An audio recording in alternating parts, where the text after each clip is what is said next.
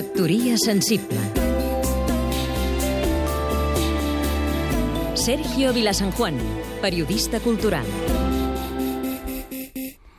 El gran Gatsby Arriba a les nostres pantalles El gran Gatsby, l'adaptació dirigida per Baz Luhrmann i protagonitzada per Leonardo DiCaprio de la gran novel·la de Francis Scott Fitzgerald. Jo la vaig llegir quan era adolescent i encara no m'ha recuperat de la impressió. És un llibre que ho té tot, meravellosament escrit, explica una història que d'una banda realista i d'altra banda presenta un fort simbolisme. Reconstrueix uns ambients mítics entorn d'una ciutat tan mítica com Nova York. I a més, és breu, així que no hi ha excusa per no llegir-la.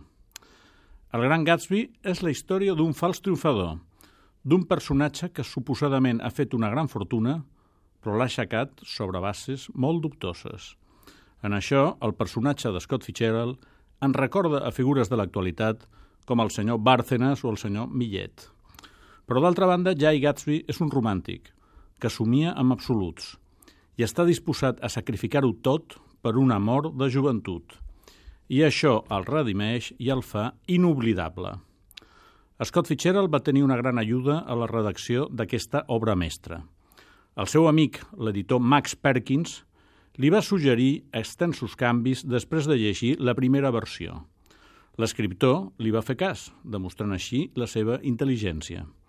Avui, els editors intervenen sovint els manuscrits de molts autors, però no acaben de sortir obres com El Gran Gatsby. Factoria sensible